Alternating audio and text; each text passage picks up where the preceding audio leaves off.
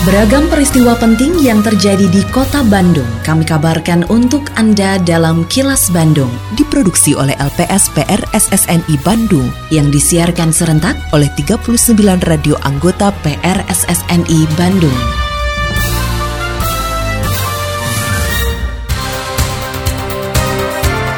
Sejumlah informasi aktual kami hadirkan untuk Anda dan inilah informasi utamanya.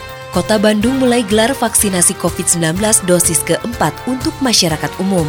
Wali Kota Bandung sepakat rencana pembuatan perda cegah LGBT. Seluruh perangkat daerah didorong selesaikan target RPJMD Kota Bandung. Saya, Santika Sari Sumantri, inilah kilas Bandung selengkapnya.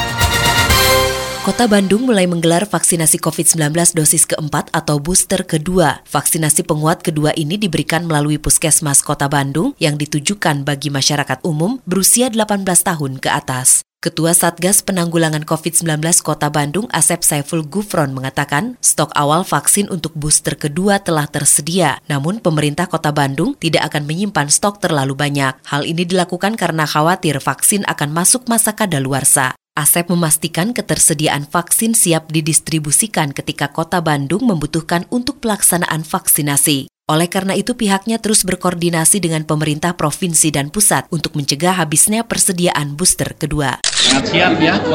Karena memang kapasitas booster kan kita terus koordinasi tidak hanya provinsi tapi dengan pusat.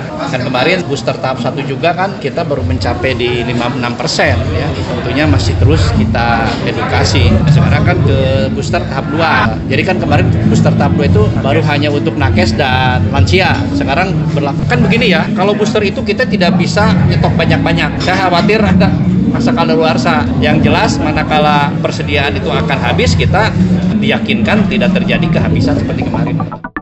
Wali Kota Bandung Yana Mulyana mengajak masyarakat untuk melakukan vaksinasi COVID-19 booster kedua atau vaksinasi dosis keempat sesuai arahan pemerintah pusat. Yana meyakini vaksinasi menjadi upaya efektif untuk mengakhiri COVID-19 varian apa pun. Meski begitu, masyarakat tetap harus menerapkan protokol kesehatan, setidaknya memakai masker saat beraktivitas. Pemerintah Kota Bandung mulai menggelar vaksinasi booster kedua untuk masyarakat umum secara serentak pada Selasa 24 Januari. Yana mengatakan stok vaksin di kota Bandung masih aman dan memadai, serta sewaktu-waktu bisa menambah kembali sesuai kebutuhan. Ya mudah-mudahan lah, karena bagaimanapun kami punya keyakinan vaksin adalah salah satu ikhtiar menyelesaikan pandemi COVID-19 ya. Karena pelaksanaan vaksin ketiga atau booster pertama itu kan udah cukup lama, tentunya harus diulang dengan booster yang kedua atau vaksin keempat. Sehingga tadi antibodi di badan kita ya mudah-mudahan semakin baik ya, sehingga bisa mengantisipasi penyebaran COVID varian apa apa pun.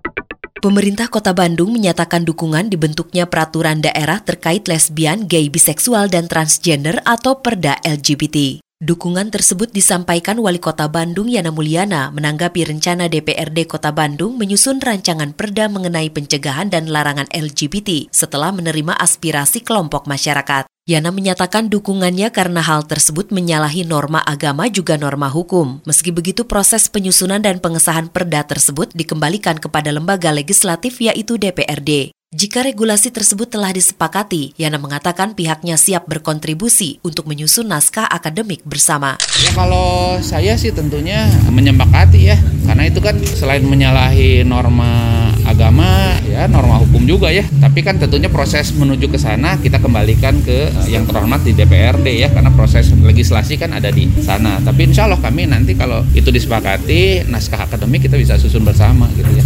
Tapi saya prinsip sepakat ya. Suara DPRD Kota Bandung.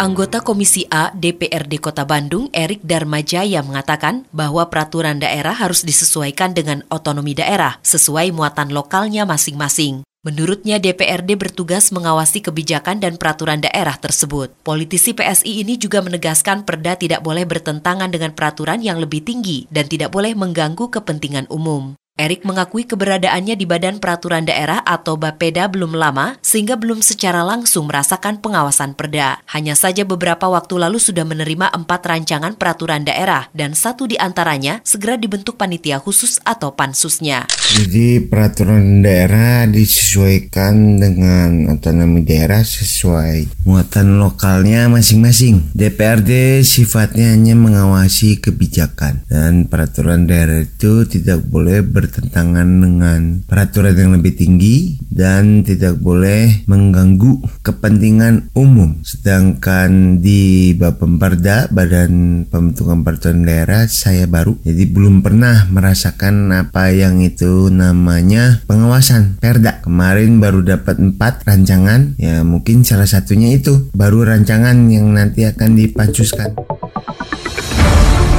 Kini audio podcast siaran Kilas Bandung dan berbagai informasi menarik lainnya bisa Anda akses di laman kilasbandungnews.com. Wali Kota Bandung Yana Mulyana mendorong seluruh perangkat daerah menyelesaikan target Rencana Pembangunan Jangka Menengah Daerah atau RPJMD 2018-2023, termasuk 26 janji wali kota dengan titik berat pada pembangunan infrastruktur. Yana mengatakan saat ini pemerintah kota Bandung sedang berupaya mewujudkan Bandung Caang Baranang, mengatasi persoalan kemacetan, dan mendorong perbaikan berbagai transportasi publik. Selain itu penyelesaian masalah banjir dan sampah di kota Bandung juga terus digulirkan. Menurut Yana, sektor pendidikan dan kesehatan juga menjadi fokus program pemerintah Kota Bandung di tahun 2023 melalui program Universal Health Coverage atau UHC dan beasiswa rawan melanjutkan sekolah atau RMP. Bagaimana kita mengurai kemacetan dengan membangun beberapa flyover, kemudian kami juga berupaya terus membuat Bandung Caang Baranang ya lewat pembangunan dan perbaikan PJU, PJL, termasuk transportasi publik juga kita coba buat semakin nyaman, semakin aman. Titik-titik banjir juga kita terus coba tanggulangi lewat pembangunan kolam-kolam retensi, sumur-sumur imbuhan. Beratnya sih di, di situ ya. Meskipun di bidang yang lain kesehatan, UHC kan kita tetap gitu ya. Kan setiap warga punya KTP dan kartu keluarga Bandung gratis berobat. Kemudian kita untuk anak usia sekolah itu harus bersekolah karena kita juga bantu lewat anggaran RMP ya.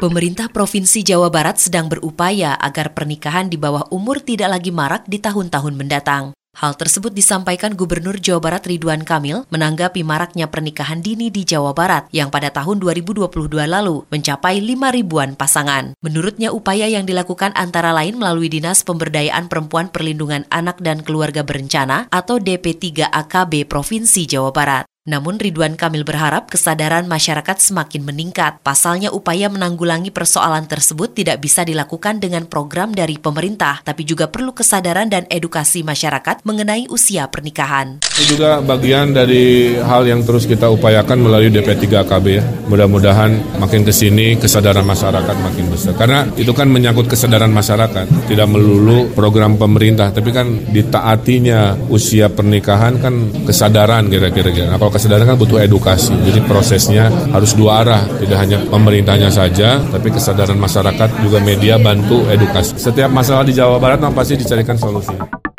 Untuk memeriahkan Imlek tahun 2023 ini, Kebun Binatang Bandung menggelar pertunjukan barongsai selama dua hari pada Sabtu dan Minggu 28 dan 29 Januari mendatang. Manajer Komunikasi Kebun Binatang Bandung, Sulhan Syafi'i mengatakan, pagelaran barongsai tidak dilaksanakan pada hari H Imlek, namun digeser sepekan sesudahnya untuk mengurai kepadatan pengunjung. Selain menggelar pertunjukan barongsai, pengelola juga menghiasi jalur utama di kawasan Kebun Binatang Bandung menggunakan lampion. Dalam rangka Imlek tahun ini, Bandung Zoo menggelar barongsai pada tanggal 28 hari Sabtu dan 29 hari Minggu. Pengunjung bisa menyaksikan pagelaran ini sekitar pukul 11-an setelah atraksi satwa Bandung Zoo di panggung utama. Tidak dipungut bayaran lagi, pengunjung hanya cukup masuk membeli tiket pada saat masuk ke dalam kebun binatang.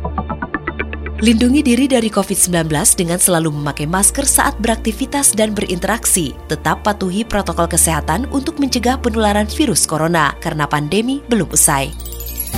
Terima kasih Anda telah menyimak kilas Bandung yang diproduksi oleh LPSPR SSNI Bandung.